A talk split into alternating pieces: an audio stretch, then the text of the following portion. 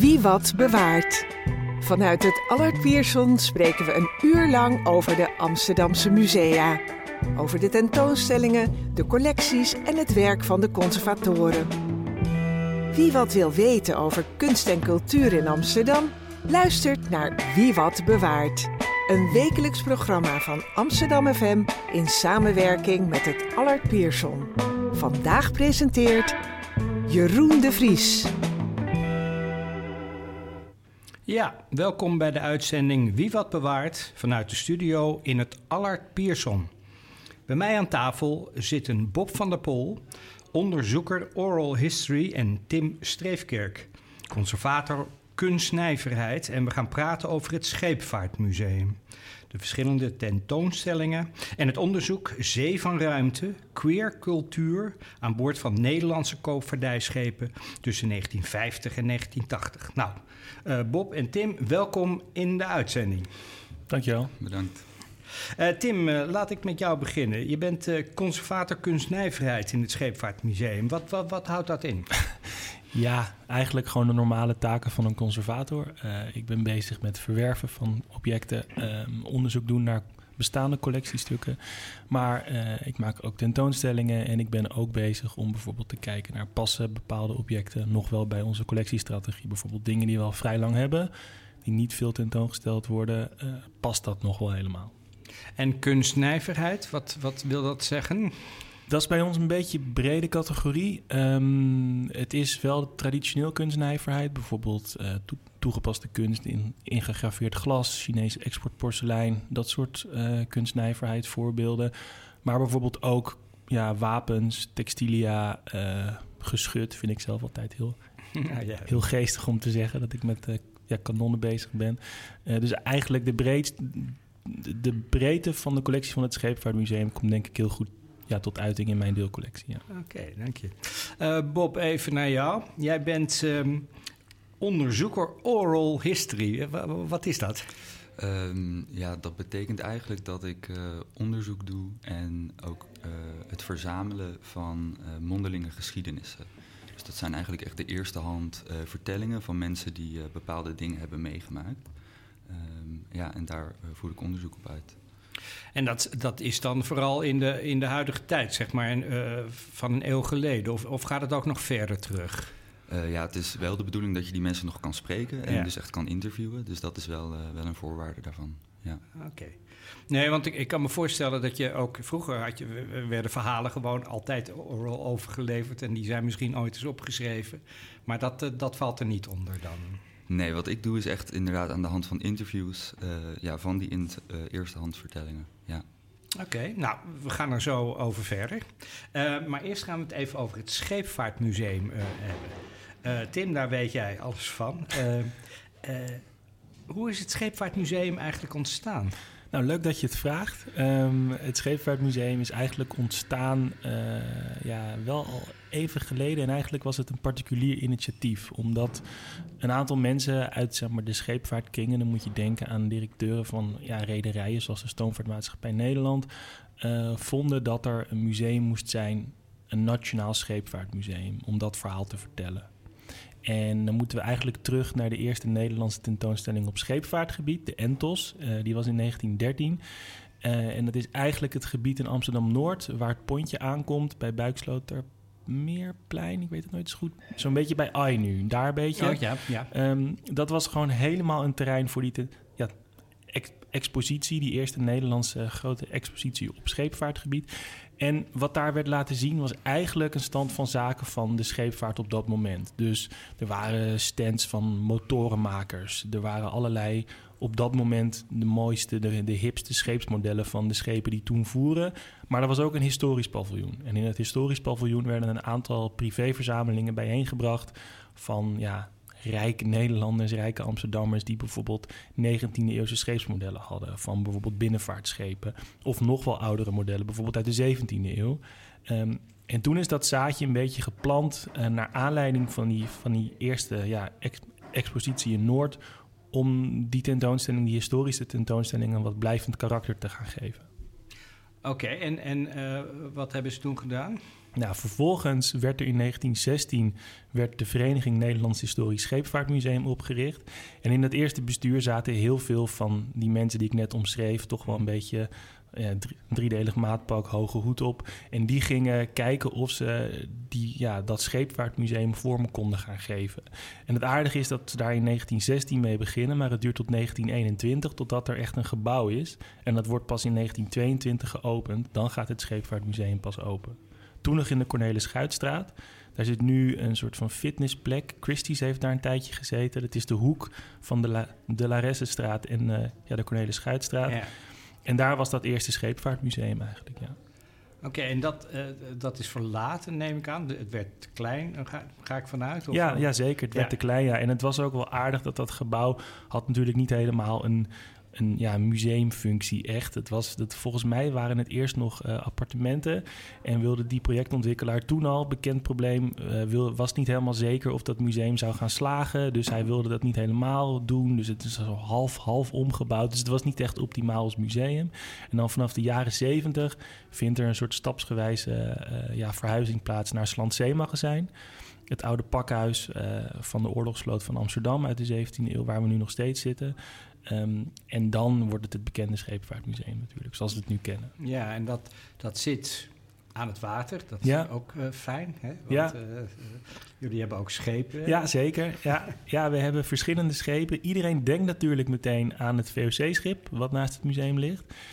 Conservatoren zeggen dan, ja, maar dat is geen collectie. Het is een, ja, een soort van requisiet bij ons. Uh, het is in de jaren tachtig gebouwd als, als replica. Historisch gezien kun je er heel veel op aanmerken. De dekken zijn een beetje geschoven. Iedereen loopt daarboven in die kapiteinskamer. Zo ja, wat waren die mensen toch klein vroeger? Nou, ze waren wel wat kleiner, maar niet zo klein. Om ruimte te maken beneden zijn die, die dekken daar wat, ja, wat in elkaar geschoven. Um, maar het is natuurlijk nog wel een van de grootste publiekstrekkers van het museum. Um, en daarnaast hebben we natuurlijk ook ons, ons stoomschip. Dat vergeten denk ik veel mensen. Maar we hebben een van de oudste kolengestookte stoomschepen van Nederland nog steeds. De Christian Brunings. En die ligt ook nog bij het museum. Ja, en maar als ik goed begrijp, doen jullie ook rondvaarten en zo daarmee? Met de Brunings zeker, ja. Het schip is in, uit mijn hoofd in 68 overgedragen aan de vereniging. Um, en sinds die tijd proberen we het in de vaart te houden. En dat doen vooral vrijwilligers. Dus uh, vrijwilligers die onderhouden het schip. Uh, en die kennen de stoommachine ook. Want mij lukt dat niet om hem aan te krijgen. Um, maar dat schip wordt nu wel een beetje... We hebben wel wat uitdagingen rondom het schip. Want ik zei al, trots het oudste kolengestookte schip van Nederland... Maar de haven van Amsterdam verandert. Dat hebben jullie denk ik allemaal wel meegekregen. Kolen zijn niet meer zo standaard in een Amsterdamse haven. Um, dus dat wordt wel een uitdaging om nog echt aan kolen te komen om te kunnen blijven varen. Ja. Nou ja, daar gaan we het straks ja. uh, op het eind nog wel eventjes over hebben. Um, maar, um, maar en, en de, uh, het gebouw, hè, dat, uh, ja, hoe kwamen jullie eraan, laat ik het zo zeggen? De, de, de, de... Slandzee-magazijn, ja. ja. Het, het, is in het midden van de 17e eeuw gebouwd. Volgens mij zo'n beetje 1656 uit mijn hoofd. Um, en het was echt een pakhuis van de admiraliteit. Hè. In de Republiek had je niet één landelijke marine, maar elk gewest, zeg maar even grofweg, had een eigen admiraliteit. Dus je had de admiraliteit van Amsterdam, maar ook op de Mazen in Rotterdam. Um, en het zeemagazijn is echt gebouwd uh, in het midden van de 17e eeuw, toen het goed ging met de Republiek. En dat er een nieuw pakhuis nodig was. En meteen werd zeg maar, dat gebied achter het museum werd een soort werf waar de grootste oorlogsschepen gebouwd werden voor die Amsterdamse oorlogsvloot. Uh, en dat gebied is eigenlijk altijd eigendom gebleven van de marine. Nog steeds is achter het museum uh, een, een, deel van dat gebied nog steeds actieve kazerne. Maar de rest van het ge gebied wat nu opengesteld is, dat wordt nog steeds het marineterrein genoemd. Ja. Daar kun je zwemmen, daar kun je uit eten. Ja. Um, dus dat gebied was toen nog steeds van de marine. En toen het museum eigenlijk zocht naar een nieuwe plek om die tentoonstellingen te kunnen gaan faciliteren, toen werd er al heel snel gedacht aan zeemagazijn. Het stond leeg, marine had het nog steeds, maar het was echt een soort van verlaten opslag. Dus in, gaandeweg in de jaren zeventig gaan ze er dan al heen, nemen ze een stukje over. En het is pas volgens mij eind jaren 70 dat het formeel wordt overgedragen aan het museum.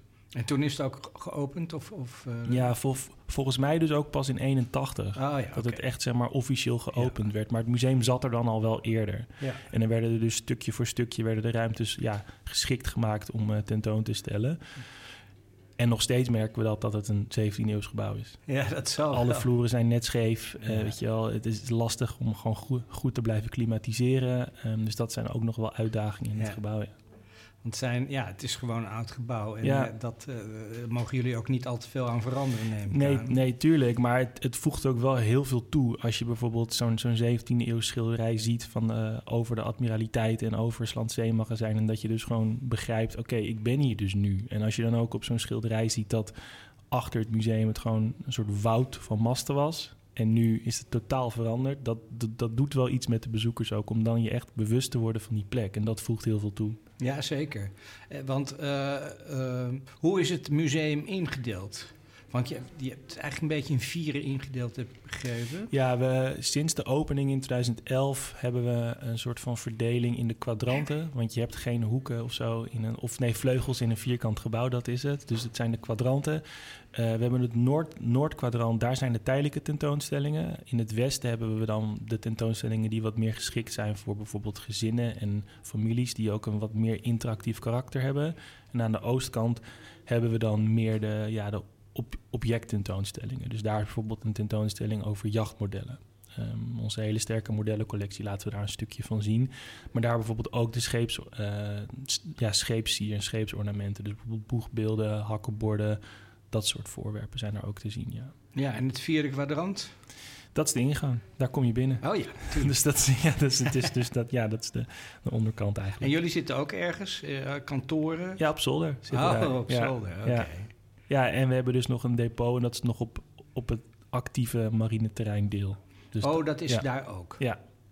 Ja, want dat terrein is nog van de marine. Dus jarenlang was het, was het niet eh, betreedbaar. Het, het Scheepvaartmuseum wel, maar Ja. daarnaast niet. Nee, Nu voor een groot gedeelte wel. Dat, Ja. dat is wel leuk, vind ik in ieder geval. gebeurt Ja. wel veel. ja, natuurlijk. Het is een hele bijzondere plek waar heel veel ja, reuring is. Super interessant. Soms wel een beetje gekke gewaarwording als je dan op een mooie zomerdag naar buiten gaat. Dat weet Bob ook wel. En dan moet je echt door een soort van bloemendaal aan, eh, aan het ei weg, omdat daar iedereen ligt te zonnebaden. Ehm, dat is altijd wel, wel geinig. Ehm, maar het is een hele leuke plek, ja. Ja, Ja. Hey, en de organisatie, want je zegt het is eigenlijk eigendom van een vereniging. eh, alles. En dat komt voort uit het verleden. Ja. En dat is nog steeds zo? Ja, de vereniging bestaat nog steeds. Ehm, en die is nog steeds formeel eigenaar van de collectie. Dus als wij iets, iets, iets verwerven, dan voegen we het ook toe aan de collectie van de vereniging. De vereniging heeft het dan wel weer in bruikleen gegeven aan de staat. Dus via de vereniging is het dan wel weer Rijkscollectie geworden. Dus we zijn daardoor wel een Rijkscollectiebeherende instelling. Oké, dus een hele aparte eh, Ja. organisatie voor een museum natuurlijk. Ja, nou, je ziet wel vaker dat zeg maar, de, eh, de collectie dan in een andere entiteit zit dan de mensen die er werken. Dat, want het gevaar is natuurlijk dat als het slecht gaat, dat die collectie ook in gevaar komt. Ehm, en bij ons is dat geregeld via de vereniging. Oké, nou, dat is eh, interessant, dat Ja. wist ik niet. Ehm, we gaan het hebben over de tentoonstelling Mens op Zee. Ehm, het- het- de huidige tentoonstelling.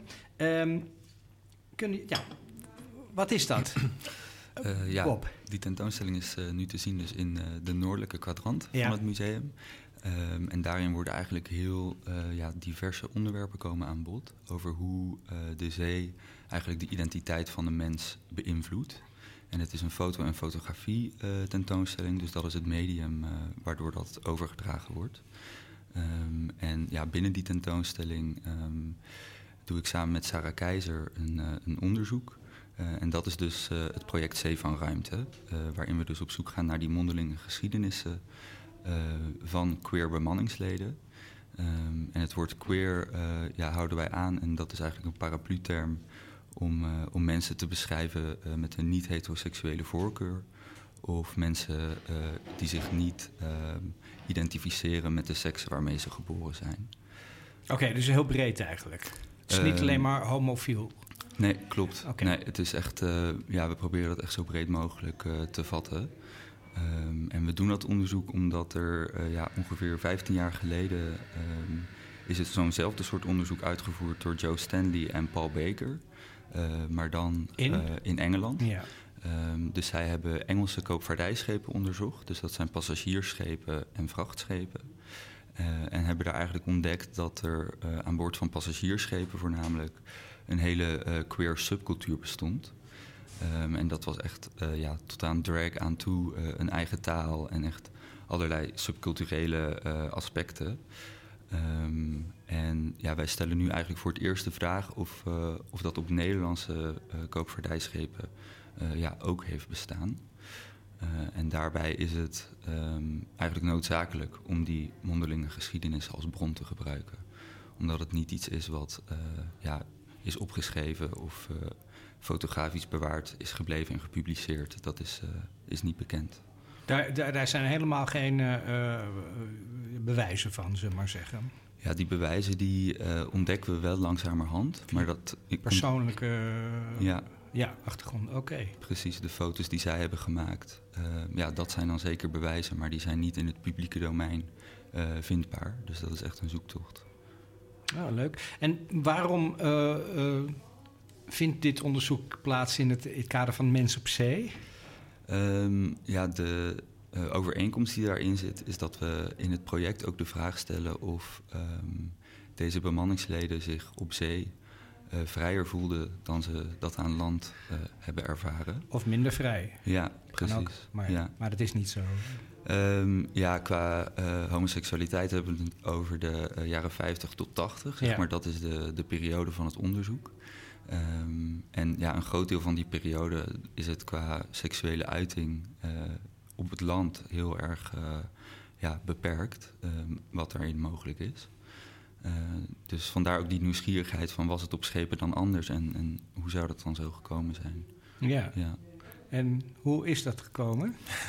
ja, het is nog wel een, uh, een lopend onderzoek. Dus ja, de resultaten die, uh, die zijn we nog wel aan het analyseren. Maar factoren die nu wel naar boven komen, um, ja, is bijvoorbeeld dat het een, een passagiersschip is. dus eigenlijk een, een cruise liner. Cruise, zeg maar, een cruise schip, ja. Um, en die kwamen steeds meer op, ook in de jaren 50. En daarbij werd ook het, eigenlijk het verlenen van service uh, steeds meer belangrijk. Het werd echt een soort toeristische attractie langzamerhand. En ja, het varen werd een doel op zich, toch, Bob? Ja, klopt. In ja. plaats van dat je ergens bracht. Ja, want langzamerhand uh, gingen vliegtuigen echt die, dat transport vervangen. Um, dus moesten schepen ook een soort ander aspect bieden. En dat werd echt wel uh, ja, dat toerisme eigenlijk, dat entertainment. Uh, en daarbij hoorde dus ook een, een hoge mate van service. En um, juist dat personeel, dus dat servicepersoneel, dus die, die mensen achter de bar, de obers, de stewards, uh, ja, onder hen um, ontstond eigenlijk die, die subcultuur. En ja, dat is een factor. Het is, ja, er is wel een link tussen zeg maar, de toerisme-industrie en een hoger uh, percentage homoseksuele uh, mannen, zeg maar, wat, wat daarin werkzaam is. Oké, okay, dus uh, op cruiseschepen en in de bediening, in de, in de service in ieder geval, was er een hoog percentage queer bemanning, zullen we ja. maar zeggen. Ja. Hoe kwam dat? Um, ja, enerzijds omdat dat soort werkzaamheden, ja, is, er is blijkbaar een aantrekkingskracht. Er is een, ja, een bepaalde soort geschiktheid, is niet het goede woord. Um, maar er wordt gezegd dat uh, ja, queer mensen um, hebben een soort van uh, antennes uh, over hoe ze um, ja, in, de, in de samenleving zeg maar, hun plek moeten vinden. Omdat zij natuurlijk niet normatief zijn. En die, diezelfde antennes die kunnen zij zeg maar, inzetten tijdens dat werk. Om bijvoorbeeld um, onderhuids een beetje op te vangen wat een gast graag wil. Zonder dat dat per se gezegd hoeft te worden. Uh, en dat is bijvoorbeeld een van de redenen waardoor ja, dat, dat wordt gezegd, zeg maar, dat daardoor queer mensen meer geschikt zijn. Daarvoor. Ja, maar goed, daar werd ook op, op, op aangenomen. ja, klopt. Ja, dat is uit dus het werd ook.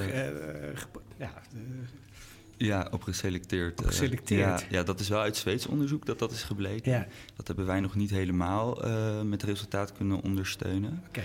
Um, maar we stellen die vraag ook zeker. Ja, we proberen daar wel achter te komen of daar in de selectie uh, een voorkeur voor was. Ook in Nederland. Ja.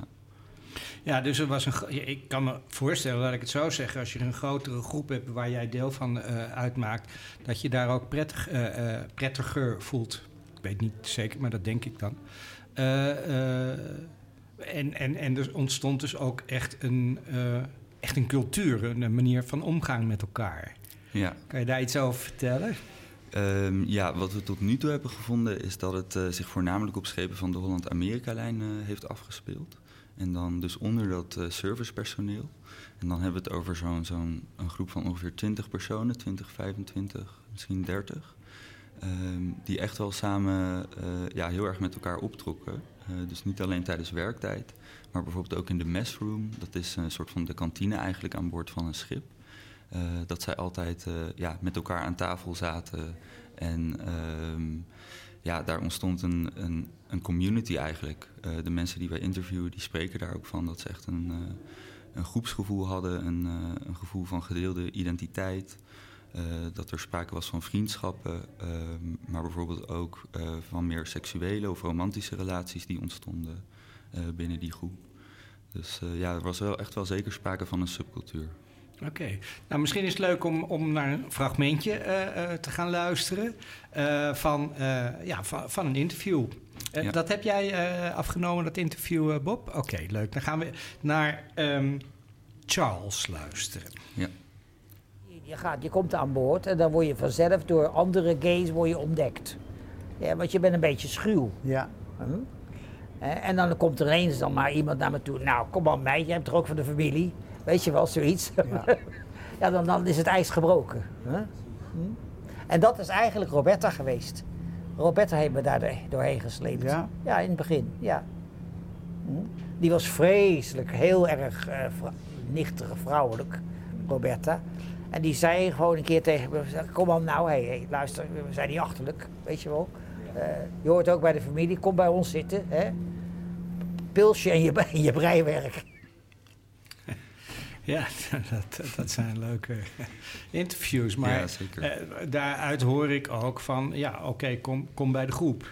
Ja, precies. Ja, en dat, ik kan me heel goed voorstellen dat dat ontzettend fijn is als je nieuw aan boord komt. En je, je probeert je plek te vinden in toch best wel een uh, ja, vijandige omgeving. Het is best wel, uh, er staat best wel hoge druk. Um, Hoe bedoel je vijandige omgeving? Uh, op een cruiseschip? Ja, precies. Ja. Het is wel echt een, ja, een maatschappij op zich waar je echt wel um, ja, je plek moet vinden, zeg maar. En um, ja, als, als je dus uiteindelijk wordt, wordt binnengelaten binnen zo'n groep, dan kan ik me voorstellen dat dat heel fijn is. En ja, er komen in dat fragment ook wel leuke subculturele kenmerken aan bod. Bijvoorbeeld over Roberta, ja. heeft Charles het. Um, ja, en die heet eigenlijk Robert.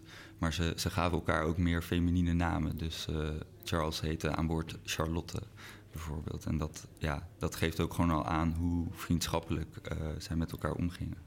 Ja. Dat deden ze onderling of deed uh, de hele bemanning dat? nee, die namen gebruikte zij hoofdzakelijk wel onderling. Ja, ja. was meer koosnaampjes of ja.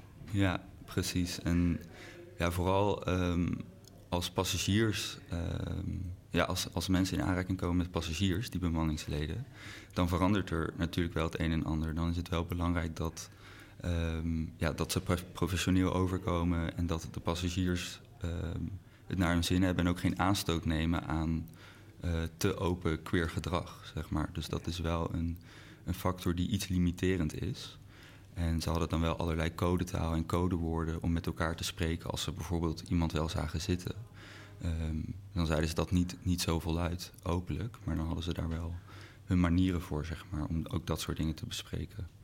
Van elkaar of uh, van, uh, van uh, gasten? Of, ja, over passagiers dan. Oh, okay. Als ze iemand bijvoorbeeld zagen zitten in de dining room, oh, ja.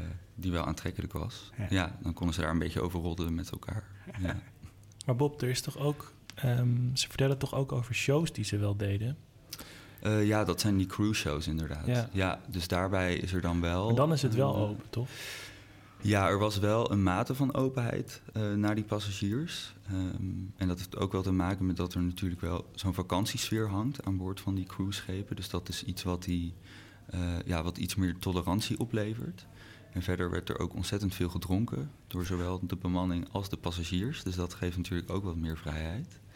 Um, en die cruise show is daar een heel mooi voorbeeld van. Dat is een, een show voor passagiers, uh, gegeven door leden van de bemanning, die dan een bepaald talent hadden of iets.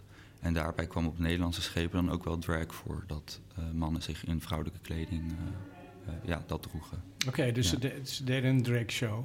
Eh, ja, ja, Soms, soms. ja, acts inderdaad kwamen wel voor. Ja, En dat werd wel getolereerd. Ja, goed, dat is Ja, entertainment, denk Ja, ik. precies. En dan ligt het er misschien ook wel heel dik bovenop, toch? Dat het, ja, ja zeker. en Ja, dat het dan misschien in een normale voorbijgaan dan wel weer bedekt was. of zo. ja, dat denk ik ook. En ik denk, zodra iets een entertainment factor heeft voor die passagiers, dan, dan wordt het geaccepteerd. En, Ja, dat is toneel. Ja, en, en dat was eigenlijk ook zo vanuit die rederijen, zeg maar. Die, eh, die dus die schepen, de eigenaars daarvan. Zolang die passagiers eh, het naar hun zin hebben, eh, maakt het hun niet zoveel uit wie daar aan het werk is, zeg maar. Dus zo, zo werkt het dan ook. Nou ja, goed, maar ze waren blij ook, neem ik aan, met, met hun inbreng.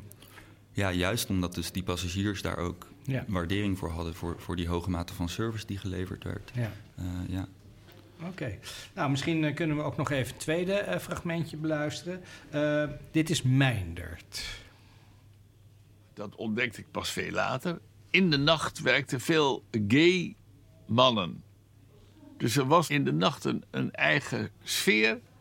Waardoor er heel weinig van die mannen waren waar ik van jongs af aan bang voor was. Namelijk die seksisten. Met hun flauwe grap. Dus die gay scene was voor mij een, een soort warm bad in een eh, vrij onaangename omgeving. Die groep, dat was een subcultuur. Dat was een, men voelde zich een gemeenschap. De gemeenschap had andere normen die niet alleen op eh, het geslachtelijk verkeer betrekking hadden, maar ook op de cultuur. Er was veel meer belangstelling voor bijvoorbeeld de emancipatie van de zwarte Amerikanen. Dat was natuurlijk helemaal geen thema onder de bemanning, maar in die gay scene wel. Ja, dus eh, hij vertelt ook over de subcultuur en over, nou ja, behalve het eh, ja, de anders zijn, maar ook eh, het kijken naar an- andere eh, discriminatoire eh, omgevingen, zoals eh, de zwarte, de, de ja, zwarte. Mhm. Ja, ja, klopt. En het is natuurlijk, dat geeft ook al aan dat het, het schip gaat natuurlijk de wereld om, zo- zo'n cruiseschip. Ja. Eh, dus je komt ook in allerlei eh, havensteden terecht. Ehm, en daar, ja, daarin gaf Meijner dus aan dat, dat die queer subcultuur toch ook wel, wel een interesse had voor, voor de bewoners van zo'n havenstad. En daar ook allerlei ehm, ja, culturele opvattingen vandaan haalde. En eigenlijk een soort meer, meer wereldbekend werden eh, op die manier. Ehm, ja, en verder stellen we ook echt wel een aantal vragen over, over hoe dat leven in zo'n havenstad dan was. Ehm, en daaruit blijkt ook dat, dat zij dus als, als subcultuur echt eh, culturele uitstapjes met elkaar deden. Maar bijvoorbeeld ook wel de gay scene opzochten eh, van zo'n stad. Ze hadden bijvoorbeeld het boekje Spartacus. Dat is iets wat nog steeds bestaat, een website. Ik weet niet of het nog eh, ook op papier verkrijgbaar is. Eh, maar daar staan dan allerlei adressen in van gay bars of eh, ja, plekken die, die vriendelijk zijn voor, voor queer mensen. Eh, dus die gebruikte zij ook. Want als je ja, twee dagen in een havenstad bent, dan weet je niet via via waar je moet zijn. Maar dan had je dus zo'n boekje. Oké. En dan zei je tegen je taxichauffeur, nou, dan wees je aan waar je moest zijn. Dus op die manier. Een reisgids voor, ja, die heb je nu ook Mhm. volgens mij, maar toen ook al. Ja, ja, interessant. ja, precies. Ja. Ja. Hey, en want eh, hoe kom je aan die mensen? Hoe kom je aan de mensen die je wil interviewen? Ja, dat is echt wel een uitdaging. Eh, het is niet de meest bereikbare doelgroep. Nee. Eh, nee, we, we hebben het over de periode van de ja, jaren 50 tot jaren 80. Dus die mensen zijn al best wel op leeftijd. Maar wat we proberen is bijvoorbeeld het plaatsen van oproepen. Dat doen we dan in pensioenkrantjes. ehm, bijvoorbeeld van ehm, ja, scheepvaartorganisaties. Ehm, verder proberen we het via eigen kanalen te verspreiden. Maar eigenlijk de beste manier is dat je via via ehm, op mensen komt. En dan gaat het eigenlijk wel als een sneeuwbal rollen. eh, wat dat betreft. We hebben heel veel gehad aan ehm, de vrienden van SS Rotterdam. Het, eh, eh, schip wat daar nu nog steeds in Rotterdam ligt, op dit moment een hotel is.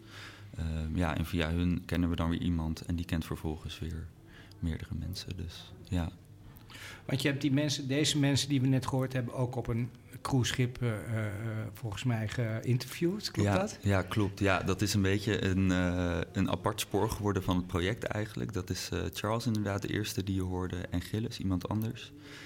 die hebben we kunnen interviewen en filmen aan boord van SS Rotterdam. En daarvan hebben we eigenlijk een film gemaakt van zo'n 10 minuten. Waarin je dus met Charles en Gilles herinneringen ophaalt van hun tijd daar aan boord. En die is ook in het Mens op Zee atelier in het museum te zien. Ja, daar kan je het zien. Dat, dat ze, daar zijn nou, het is een wat langer fragment. En het is ook uh, ja, video, hè? dus je kan het zien. Mm Je kan ze zien. Ja. en je zegt, het, er is ook een atelier van. Wat, wat, wat houdt dat in, atelier? Um, ja, het, het Mens op Zee atelier, daarin stellen we eigenlijk de, de resultaten uit Zee van Ruimte tentoon. Dus dat is enerzijds die film, anderzijds um, zijn er ook stoelen waarin je kan plaatsnemen om fragmenten te horen um, uit de interviews, zoals we net hebben gehoord. Uh, en verder geven we ook de ruimte aan mensen om te reflecteren zelf op uh, de vraag of zij op zee anders zouden zijn dan op land. Uh, doen we via een, een, magneetwand waarop je ja, verschillende woorden op verschillende plekken neer kan zetten. Um, en daarbij reflecteren mensen dus op het atelier, maar eigenlijk ook op de, de grote tentoonstelling Mensen op Zee zelf. Ja, ja. gaan we het zo nog even over hebben, over het de andere gedeelte. Want dit is maar een onderdeel van, uh, van de tentoonstelling. Ja. En, um, uh, maar wel interessant, omdat het een aspect is wat, ja, denk ik, onderbelicht is in, het, in, het scheep, in de scheepvaartwereld eigenlijk, ja. zou ik kunnen zeggen. Klopt dat, Tim? Ja, dat... zeker, dat mag je zo zeggen. Ja, ja. Hè, want het is, nou ja, het, het is wel frappant dat het Scheepvaartmuseum dat dan uh, op dit moment ook doet. Hoe, uh, hoe, hoe, kijken jullie daar naar, naartoe? Brede vraag. um, nou, ik denk dat je sowieso wel uh, in eigenlijk de hele culturele sector ziet dat musea, instituten nadenken over de geschiedenis en het narratief dat ze vertellen. Um, omdat ik toch wel denk dat het narratief heel lang door een beetje dezelfde groep mensen met dezelfde achtergrond, dezelfde culturele waarden bepaald en geschreven is. Je ziet het bijvoorbeeld ook bij ons met het VOC-schip, de replica, ik noemde dat al even. Um, dat schip is gebouwd in een, op in een periode dat er heel veel van dat soort schepen gebouwd werden. Uh, in de jaren tachtig. Um, bijvoorbeeld de Batavia is toen ook gebouwd. Er was er een soort van gevoel, nostal nostalgisch gevoel, uh, werd, die VOC echt een beetje herontdekt als een positief element uit de Nederlandse geschiedenis. Dan gaat het over het vakmanschap, dan gaat het over um, handel drijven, de wereld verkennen. En je ziet nu dat ook misschien omdat Nederland uh, gewoon al lange tijd aan het veranderen is qua samenstelling, um, dat dat verhaal niet zo vanzelfsprekend is. En dat er aandacht heel terecht is voor wat die VOC bijvoorbeeld allemaal in, in Indonesië uit, uitgespookt heeft. En dan zie je ook dat dat schip in een heel ander licht staat. En het is denk ik aan ons museum de uitdaging om dan een verhaal te vertellen waar meer mensen zich in gehoord voelen en um, zich in herkennen. Ik denk dat dat de uitdaging is. Ja, dus je vertelde me in de voorbespreking dat het museum ook graag dat zoveel mogelijk zich daar, eh, mensen zich daar uh, prettig uh, voelen. Ja, precies. Je, je, probeert wel dat, dat zo'n plek, zo'n tentoonstelling, dat, dat mensen zich daarin kunnen herkennen. Um, en zo'n verhaal waar Bob mee bezig is, um, dat vertellen we eigenlijk niet. En bijvoorbeeld, dat zie je ook wel in, in de samenstelling van, van de collectie. Dan. Ik hou me dan ook bezig met uh, de uniformencollectie. Uh, dan hebben we jasjes van uh, koopvaardijkapiteins. Af en toe ook een, een jasje van een werktuigkundige. Daar zie je al een verschil. Dat we dus toevallig veel meer hebben verzameld van de mensen die echt dan in charge zijn van, van zo'n schip met allemaal strepen en allemaal uh, rangen. Um, ja, dat blinkt natuurlijk. Precies. En dat, en, maar dat zegt ook wel iets over um, welke mensen hun eigen verhaal de moeite waard vinden. Die contact opnemen met het museum om zo'n uniform op te nemen. Want het jasje van iemand die het werk doet, hebben we niet. En we, we weten bijvoorbeeld ook dat er uh, aan boord van, van schepen van de Stoomvaartmaatschappij Nederland uh, Javanen werkten. En dan ook in de servicegerichte ja, onderdelen. Daar hebben we qua materiële cultuur ook niks van.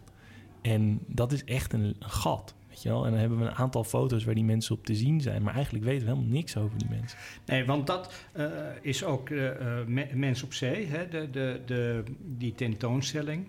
Die probeert ook de verschillende groepen. Uh, als ik want het is een fototentoonstelling ja. verder, behalve dan het, het, stukje van het atelier, maar het is vooral een, een fototentoonstelling. Ja. ik begrijp dat jullie, tenminste dat heb ik gelezen, 150.000 foto's in het depot ja.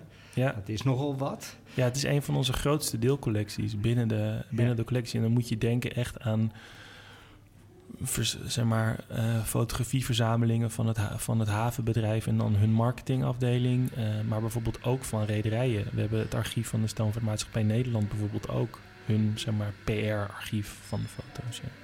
Maar oké, okay, dat is PR, dus dat is in, inderdaad een bepaalde kijk ja, op, ja, uh, zeker, ja. op, uh, op, op de industrie. Um, maar in de, in de um, in Mens op Zee worden ook bijvoorbeeld uh, foto's van vrouwen in, in de marine ja. getoond. Ja, ja en, dat, en dat is um, ook iets omdat... Kijk, marine um, is, is heel langzaam vanaf de Tweede Wereldoorlog heeft een soort van stapsgewijze integratie gehad van vrouwen um, binnen de organisatie. Met als laatste stapje de onderzeedienst, waar eigenlijk pas heel recent vrouwen tot toegelaten werden. Korps Mariniers is ook zo'n bekend voorbeeld. Dat werd dan toch altijd gedacht dat vrouwen dat niet aankonden, zo'n zware training. Maar je ziet gewoon dat vrouwen die training of, of die toelating ook gewoon halen.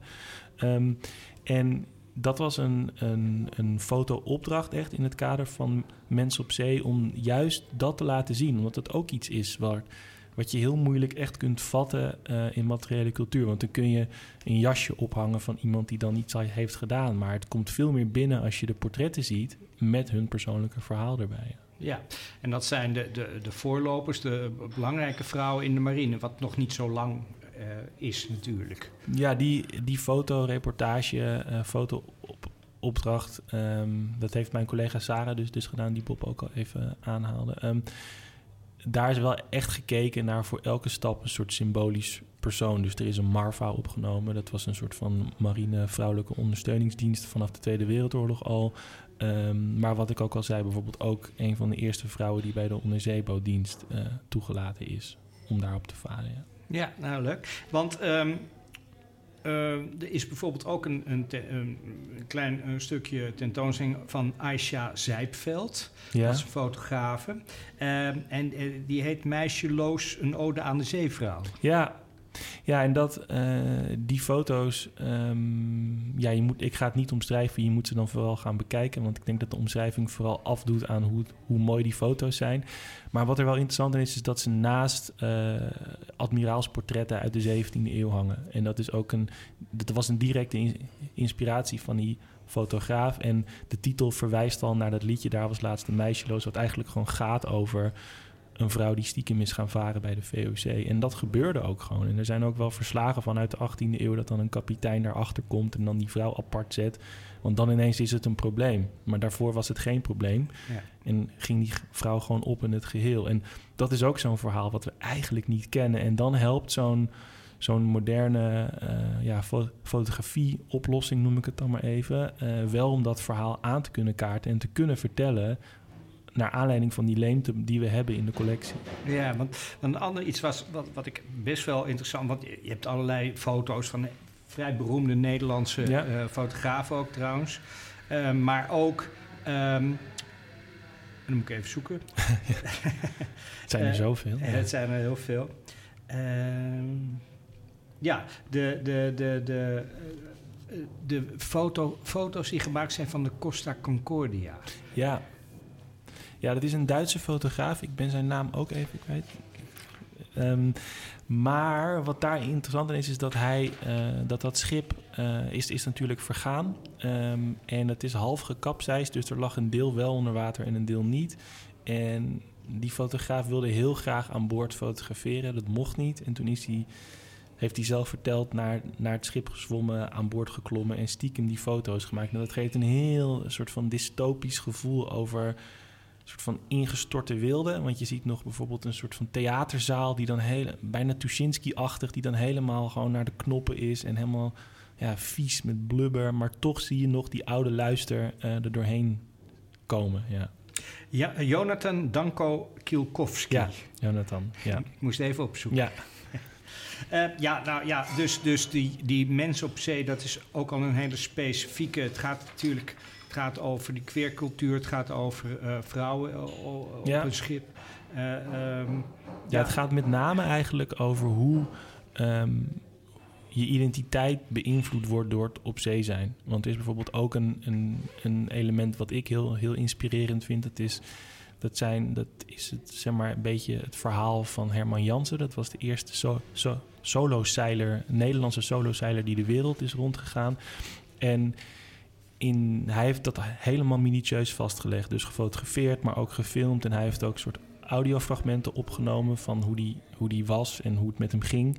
En daar zie je ook een soort van, een soort van verandering in. En aan het begin is hij nog heel zakelijk en later wordt hij helemaal filosofisch en wat de zee met hem doet en hoe het is om op zee te zijn. En dat probeert die tentoonstelling eigenlijk te vangen.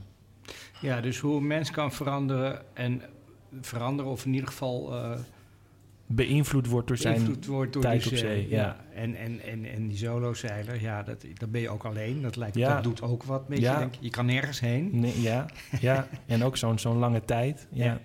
Ja. En eh, überhaupt op een schip, hè? Je kan nergens heen natuurlijk. Nee. En ik word altijd op een schip meteen zeeziek. Ja, ik ook trouwens. Oh, dat is wel mooi, ja. nee, ik ook trouwens. Maar goed, eh, dat, eh, ja, dat, dat is een van de dingen die er ook bij hoort. En dan kan je er ook niet af. Nee, precies. Ik Ja. weet het. Ja. Ja. Nee, leuk. Ja, dat, dat is dan eh, eh, de, de collectie. Nou, ik zou zeggen, ga, ga kijken. Dat is hartstikke mooie, mooie tentoonstelling. Hè? Foto's van, ja, nou, uit de collectie. Ja, het is wel grappig dat dat natuurlijk, vind ik dan... eh, eh, Het is echt een, komt uit de mannencultuur natuurlijk voort, de scheepvaart van oudsher. ja. En dat verandert natuurlijk. Ja. En, en ja, dat, en daar gaat deze tentoonstelling denk ik ook wel een beetje over. Ja, ook wel een Mm. beetje, ja.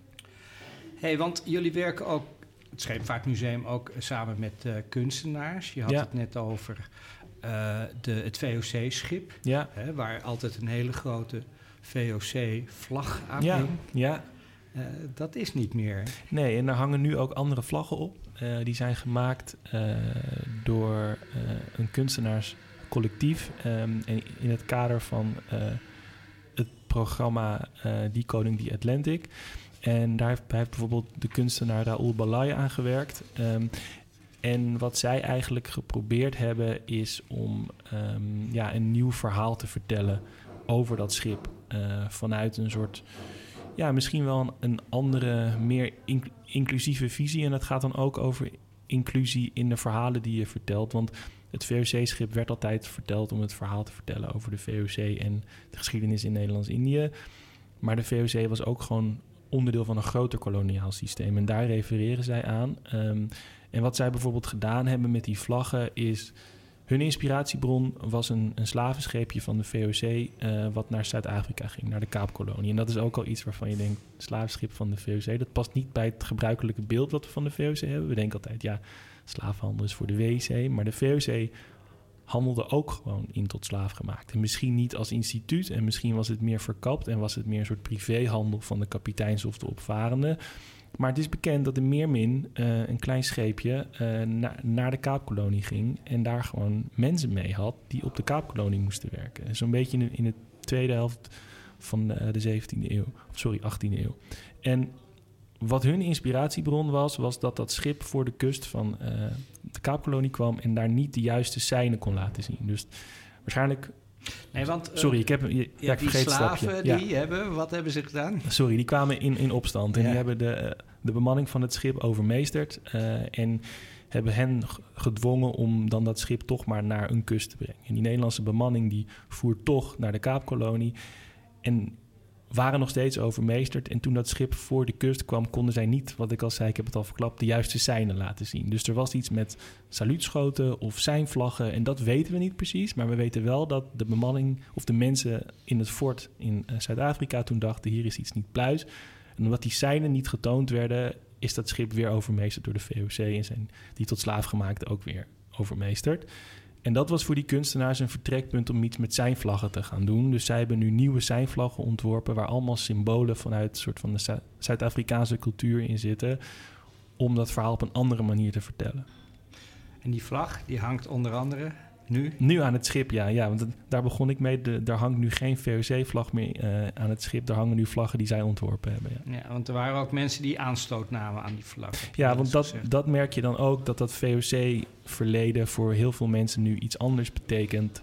dan ook waar ik misschien mee opgegroeid ben op de middelbare school. Waar het toch ging over hè, de eerste, uh, uh, wat was het? Naamloze vennootschap, uh, monopolie, handel, ja, dat beeld. Aandelen. Precies, ja. Um, en deze mensen zeiden eigenlijk gewoon van ja, dit, dit vinden wij gewoon helemaal niet prettig, zo'n vlag. En dat vind ik gewoon aanstootgevend. En ik wil hier dan niet mee samenwerken op deze manier. Nou, dat snappen wij ook heel goed. En het laat ook zien wat het belang is om juist dat soort samenwerkingen op te zoeken. Dat je ook weer even uit die bubbel geduwd wordt. Uh, want voor ons is het ook natuurlijk super vanzelfsprekend op een bepaalde manier ergens over nadenken. Ja, want dat hebben we zo altijd zo gedaan. Ja, ja. En de bedoeling is nu om dat toch op een andere manier eh, te gaan doen. Ja, ja omdat daar, daar refereerden we al eerder aan. Je toch ook hoopt dat, um, dat die kunstenaars zich ook welkom voelen in het Scheepvaartmuseum. Dat zij ook iets vinden wat aan hen refereert en waar, waar zij zich in, in herkennen. Ja, dus jullie werken ook samen met kunstenaars, ja. ook anderen. Ja, zeker, ja. Ja, ja, ja bijvoorbeeld dus uh, uh, die fotografie over de, de vrouwen bij de marine is, is ook een ja, opdracht geweest aan, aan een fotograaf, mevrouw Lucas. Dus dat is ook een soort van um, ja, samenwerking geweest eigenlijk. Ja, ja en die uh, zijn vlaggen tentoonstellingen, er is ook een tentoonstelling Ja. van. Uh, dat is van uh, Raoul Balai, Jared Erasmus, Ja. en, Jennifer Tosh en Cathy Streek. Ja. Ja, het is dus een deels Nederlands. Zijn het deels Nederlandse kunstenaars en deels kunstenaars uit Zuid-Afrika die samen dit, dit onderwerp eh, aangepakt hebben. Ja. Ja, dus, dus jullie proberen ook eh, vanuit het museum eh, mee te gaan in, in de veranderende tijden, mag ik het zo zeggen? Ja, ja, me- ja, dat klinkt een beetje reactionair. Dat we zeg maar Nou, meegaan met een verandering. Nee, ja, nee, maar het is meer dat we, dat we ook samen proberen om iets nieuws te maken. Want anders zou het alleen maar zijn dat we luisteren naar wat zij doen. Eh, maar het Scheepvaartmuseum heeft natuurlijk ook nog steeds expertise. Eh, en het is juist de uitdaging om daarin samen verder te komen. Ja, te laten zien hoe het was en, eh, en, waar we, en hoe het ook aan het veranderen Ja. is. Ja, Op dit moment, nou, hartstikke mooi. Er zijn er nog andere tentoonstellingen in het Scheepvaartmuseum. Jazeker, er zijn er een heleboel. Nee, wat ook nog wel een, aardige tentoonstelling is, is Duiker Doris. Dat is een, een familietentoonstelling, maar de stiekeme echte doelgroep zijn kinderen van 2 tot 4 ongeveer. Omdat we merkten dat eh, daar eigenlijk heel weinig aanbod voor is. En dat we wel heel erg hopen dat die het Scheepvaartmuseum als een plek zien waar ze vaker naartoe willen. Dus daar hebben we samen met een illustrator, Quenny Cheng, eh, een kindertentoonstelling ontwikkeld waarin je eigenlijk eh, duiker Doris volgt van onder water naar het water naar zeg maar, het land. En je als kind allemaal spellen kunt doen. En het aardige is, is dat in die tentoonstelling ook nog allemaal collectiestukken zitten, zodat we hopen dat kinderen daardoor ook getriggerd worden en kennis maken met het maritieme verhaal en ook nog een keertje terug willen. Ja, dus het is eigenlijk inderdaad voor, voor elk wat wils, hè? voor kinderen, voor families, Ja, maar ook voor eh, ja, gewone eh, mens, mensen zoals ik. zeg maar. ja, ja, ja, voor de, zeg maar, echt de, de eh, cultuurliefhebber hebben we bijvoorbeeld ook Republiek aan Zee, wat misschien wat een meer traditionele tentoonstelling is, waar je eigenlijk kennis maakt eh, met het verhaal hoe Nederland gevormd is door het water. En het water ook wel gevormd is door Nederland. Ja, want dat, dat is natuurlijk wel een belangrijk eh, onderdeel. Hè? De, de, de, de scheepvaart heeft altijd bij Nederland gehoord. Ja, ja zeker. Dus in die, in die tentoonstelling begint het eigenlijk gewoon bij de Nederlandse opstand. Eh, en bijvoorbeeld een heel groot schilderij over de slag bij Gibraltar. De eerste keer dat de, dat, ja, de Nederlandse vloot aan het begin van de 17e eeuw echt in Spaanse wateren met- ja, met de Spanjaarden vecht als één grote Nederlandse vloot. Maar het eindigt eigenlijk gewoon ehm, met het einde van de Republiek in, in de Napoleontische tijd. Ja, want jullie hebben natuurlijk, eh, neem ik aan, best wel veel eh, schilderijen. eh, scheepvaart, of zeeschilderijen. Ja, ja, Van beroemde sch- zeeschilders. Ja, ik kan er wel een aantal noemen. Ja. We hebben toevallig vorig jaar hebben we een vrij grote tentoonstelling gehad over Willem van der Velde, de jonge en de oude. En dat was eigenlijk een van de eerste echte grote overzichtstentoonstellingen van hun werk met bruiklenen uit binnen- en buitenland. Eh, maar we hebben bijvoorbeeld ook nog steeds zelf eh, wandtapijten die Willem van der Velde de oude ontworpen heeft en die gemaakt zijn voor de Engelse koning. Ehm, die hebben we ook nog gewoon zelf ook nog. Oh, fantastisch. Ja. En de, maar je, jij vertelde me ook over een, uh, um, de havententoonstelling. Ja. Kan je daar wat over vertellen? Ja, zeker. In de havententoonstelling uh, verkennen we eigenlijk de, de geschiedenis van de haven, uh, moet ik altijd zeggen, in het verleden, heden en de toekomst. Want de haven verandert. Daar hebben we het al even over gehad, over de kolen voor een stoomschip. De haven was altijd een van de grootste overslaghavens voor kolen en fossiele brandstoffen. Maar dat kan echt niet meer, dat vinden ze zelf ook. Dus ze proberen vanuit een soort van energietransitie ook het aanbod in de haven te veranderen. Uh, maar tegelijkertijd zijn heel veel Amsterdammers vergeten dat Amsterdam een havenstad is. De haven is iets ver weg. Dat begint zo'n beetje bij IJmuiden. Ja, dat zie je niet, hè? Nee, precies. Maar niemand weet dat de Amsterdamse haven, hoe ver naar IJmuiden je ook gaat, nog steeds de vierde van West, West-Europa is. Dus het is nog steeds een, een, een, een, grote speler. En dat proberen we in die tentoonstelling duidelijk te maken. Maar uh, we hadden het net met uh, al eerder uh, zeg maar met het queer-project over oral histories. Uh, dat doen we in de havententoonstelling ook. Omdat we daar ook merken dat we bepaalde verhalen gewoon heel slecht in de collectie hebben vastgelegd. We weten dat er heel veel gastarbeid is geweest in de haven. Dat bijvoorbeeld de werf, de NISM, echt naar bijvoorbeeld Italië ging, bijvoorbeeld naar Turkije ging om daar mensen te werven. Echt, dan moet je je voorstellen op een plein en hier bij, bij het lijntje tekenen en we gaan naar Nederland. Maar dat hadden we ook bijna niet vastgelegd. Um, dus dat proberen we nu ook in een soort, soortgelijk project uh, meer vast te gaan leggen. Uh, en dat blijkt ook heel erg moeilijk, omdat je dan met name met een taalbarrière zit. Omdat ik bijvoorbeeld geen Turks spreek. Uh, nee, en, nee. en de, deze mensen, hoewel ze lang geleden in Nederland hebben gewerkt, ook, ook geen Nederlands spreken. Nee, en, en, en uh, nou, sommigen natuurlijk ook wel. We moeten niet generaliseren. Nee. Um, maar uh, dat vind ik ook wel het interessante aan het concept gastarbeider. Dat dat vanaf het begin af aan een tijdelijk fenomeen zou moeten zijn. Zou zijn. Ja, dus mensen zijn ook heel slecht begeleid toen ze hier kwamen. Kregen ja. nauwelijks taalles, kregen een contract voor een jaar en zouden daarna weer weggaan. En je ziet dat heel veel mensen dan daarna gewoon weer een nieuw contract krijgen en eigenlijk gewoon dan blijven. Terwijl er niet een soort begeleiding was. En het ging ook gewoon in praktische zin qua huisvesting. Mensen werden gewoon aan hun lot overgelaten. Uh, en zoek maar zelf iets. En het is tijdelijk, dus ja, mensen gaan vanzelf weer weg. En het wat ik daarbinnen ook weer heel, heel interessant vind, is dat je ziet dat zeg maar, die arbeidsmigratie vooral in de jaren 60 en, en 70 was. Maar dat eigenlijk gaandeweg de jaren 70 al duidelijk wordt dat de NISM en ook de ADM als, als reparatiewerf eigenlijk helemaal niet mee kunnen met de internationale ja, concurrentiestrijd. Dat er ja, uit Azië gewoon aan de lopende band de allergrootste schepen komen. Terwijl de, de hellingen van de NISM gewoon te kort zijn om die grote tankers te bouwen.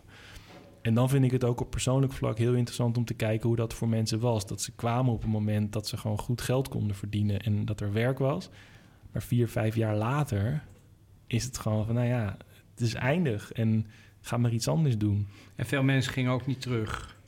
Nee, nee ja, ja, ja, ja, veel mensen bleven. Die, die mensen bouwden hier gewoon een bestaan Ja, op. En, en, en, en werden onderdeel van, van de Am- Am- Amsterdamse maatschappij. Deze een, een verhaal wat we vertellen in de tentoonstelling over een Italiaan. En dat vertelde ik al een beetje. Die is een jaar geweest en die wou, die wou weer weg. Nog een jaar geweest. Toen vond hij een vrouw, heeft hij kinderen gekregen. En ja, waarom zou je dan nog weggaan? Dan heb je gewoon, dan ben je hier. Ja, ik snap het. Bob, heb jij daar een onderdeel aan van dat oral history van In de Haven? Uh, nee, nee, daar werk ik niet aan mee. Maar Ah, het is dat is uh, ja, ik vind het zo mooi dat, dat oral history zo geschikt is om eigenlijk die, die maritieme geschiedschrijving gewoon echt letterlijk meer stemmig te maken. Dus echt mensen een stem geven die, die normaal, waarvan hun verhaal niet gehoord wordt en eigenlijk ook verloren zou gaan als, we- als we dit soort projecten niet doen. Uh, dus dat maakt het voor mij heel waardevol. En ja, dan ook het feit dat we dat vervolgens in het museum ook echt tentoonstellen. uh, zorgt er ook voor dat een meer divers publiek zich eigenlijk gezien voelt um, in het museum. En dus ook uh, zich herkent in de maritieme wereld. En dat, dat vind ik wel echt iets heel moois wat dat teweeg brengt. Ja, Ja. ja, dat is het ook. Ja, dat is ook een stukje wat we... Ja, het was ook tijdelijk, hè, dus het was ook niet zo belangrijk eh, Ja. in die tijd. Ja. En eh, ja, dat, dat, dat is toch wel een hele... eh, nou, dat heeft een enorme invloed op de Nederlandse samenleving gehad. Cultuur ook, denk ik. Ja, Ja, zeker. Eten, de- de- de- alles. en nog even aan te haken daarbij. ehm, zeg maar, hoe mooi zou het zijn geweest als die vrouw in de 17e eeuw aan boord van het schip ook geïnterviewd was? Ja. Bedenk even wat voor geweldige bron dat zou zijn geweest. Ja. En het is heel tof om daaraan te werken, toch Bob? Dat we dat Ja, maar een beetje kunnen vastleggen nu. ja, zeker. Ja. Want deze verhalen worden dus ook echt onderdeel van de collectie van het museum. Ja. Dus daarbij heeft het museum ook echt de plicht om dat te bewaren. Ja, tot komt in het archief eigenlijk Ja, in feite. Precies. Ja, Net, net, zoals hier eh, zitten we ook in het archief van het. Ja. Mhm. Ja. Hetzelfde eigenlijk. Ja. En dan, dan, dan kan je dat bewaren. Ja. Ja, en je eh, bewaart die verhalen. Trekken jullie ook conclusies uit, die, eh, uit het onderzoek? Eh, ja, Is dat de bedoeling? Ja, zeker. Voor Zee van Ruimte is, eh, zijn die interviews eigenlijk het hoofddoel, zeg maar, om die toe te voegen aan de collectie. Ja. En iets wat we daar in de praktijk mee kunnen doen, is dus enerzijds het tentoonstellen, wat we dus al doen. En anderzijds worden die interviews ehm, getranscribeerd, eh, dus dat op papier gezet. En dat worden eigenlijk eh, de bronnen voor wetenschappelijk onderzoek. Dus uit die transcripties kan je uiteindelijk conclusies trekken. Eh, kan je bijvoorbeeld gaan thematiseren als je bepaalde dingen herkent in interviews. Je stelt aan iedereen dezelfde vragen, dus dan kan je daar uiteindelijk patronen in, eh, in ontdekken. Oké, dus het is echt wetenschappelijk onderzoek. Ja, echt eh, sociologisch. eh, Oké. ja. En jullie doel is ook om daar een publicatie over te schrijven, toch Bob? ja, zeker. Dan, dan wordt het echt een onderzoek van A tot Z. Als je echt van, eh, Ja. van het verzamelen naar het publiceren gaat. En eh, ja, nou, dat is echt een ambitie ook. Interessant. Om, eh, hey, even terug op de, de eh, mensen om te interviewen. Wil je daar Ja. misschien nog een oproep toe doen? Want, ja, zeker. Ja, absoluut. Ja, als mensen zich, zich herkennen als zij gevaren hebben op koopvaardijschepen van de jaren 50 tot de jaren 80, iets over queer cultuur kunnen vertellen, kunnen ze mailen naar oralhistory@hetscheepvaartmuseum.nl. oral history at het scheepvaartmuseum.nl. Ja, klopt. Oké. Ja, let op dat het het scheepvaartmuseum. Oh ja, Yes. het scheepvaart. Anders gaat het mis. Ja. Goed, eh, dankjewel Tim en Bob voor dit interview. Eh, de tentoonstelling Mens op Zee is te zien in het Scheepvaartmuseum op het Kattenburgplein 1 tot en met 28 mei, als ik het goed heb. Ja. Ehm, ja, dit was eh, Wie Wat Bewaart voor deze week. Elke vier weken gepresenteerd door mij, Jeroen de Vries. Met danken aan de gasten vandaag, Bob van der Pol en Tim Streefkerk. En de techniek was eh, in handen van Erik Korver.